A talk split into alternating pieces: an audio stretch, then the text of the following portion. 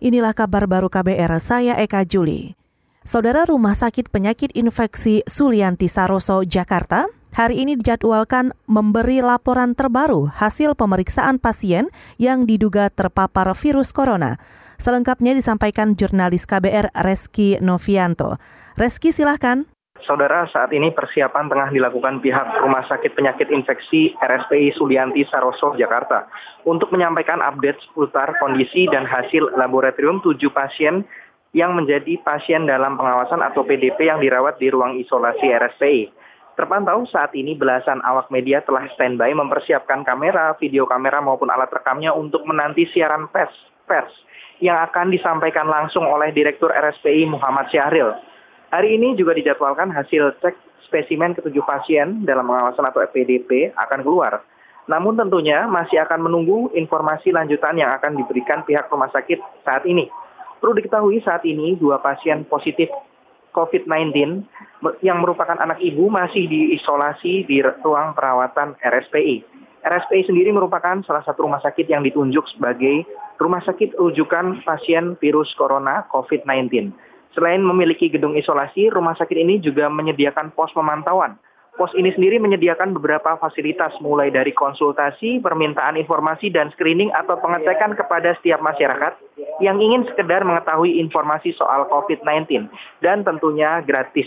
Dari Rumah Sakit Penyakit Infeksi Sulianti Saroso, Jakarta Utara, Reski Novianto melaporkan. Iya, masih soal corona, saudara.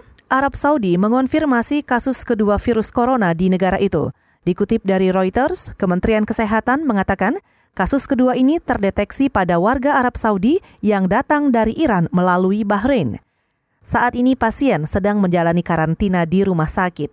Selain itu, semua orang yang berinteraksi dengan pasien juga dipanggil untuk diperiksa secara menyeluruh. Sebelumnya, Arab Saudi juga menghentikan sementara ibadah umroh untuk mengantisipasi penyebaran virus corona. Pemerintah Italia kemungkinan akan memutuskan semua penyelenggaraan pertandingan Serie A digelar tanpa penonton. Menteri Olahraga Italia Vincenzo Spadafora mengatakan keputusan itu masih digodok. Sejauh ini, ada 10 pertandingan Serie A sudah ditunda, termasuk dua laga Coppa Italia. Pada bulan lalu, pemerintah setempat juga melarang penyelenggaraan turnamen-turnamen olahraga di daerah utara, wilayah paling terdampak wabah virus corona. Di sana, epidemi sudah menyebar ke 2.500-an orang. Dari jumlah itu, lebih dari 70 orang dinyatakan meninggal.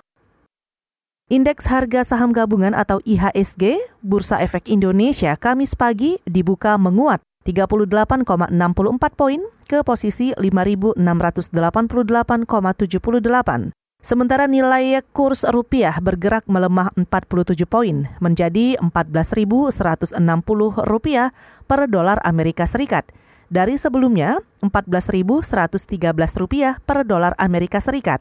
Dilansir dari kontan, indeks dolar pagi ini menguat tipis dan bergerak stabil setelah turun pasca pemangkasan suku bunga selasa lalu. Indeks yang mencerminkan nilai tukar dolar Amerika Serikat terhadap mata uang utama dunia ini berada di 97,37, menguat tipis dari posisi 97,34. Saudara demikian kabar baru, saya Eka Juli.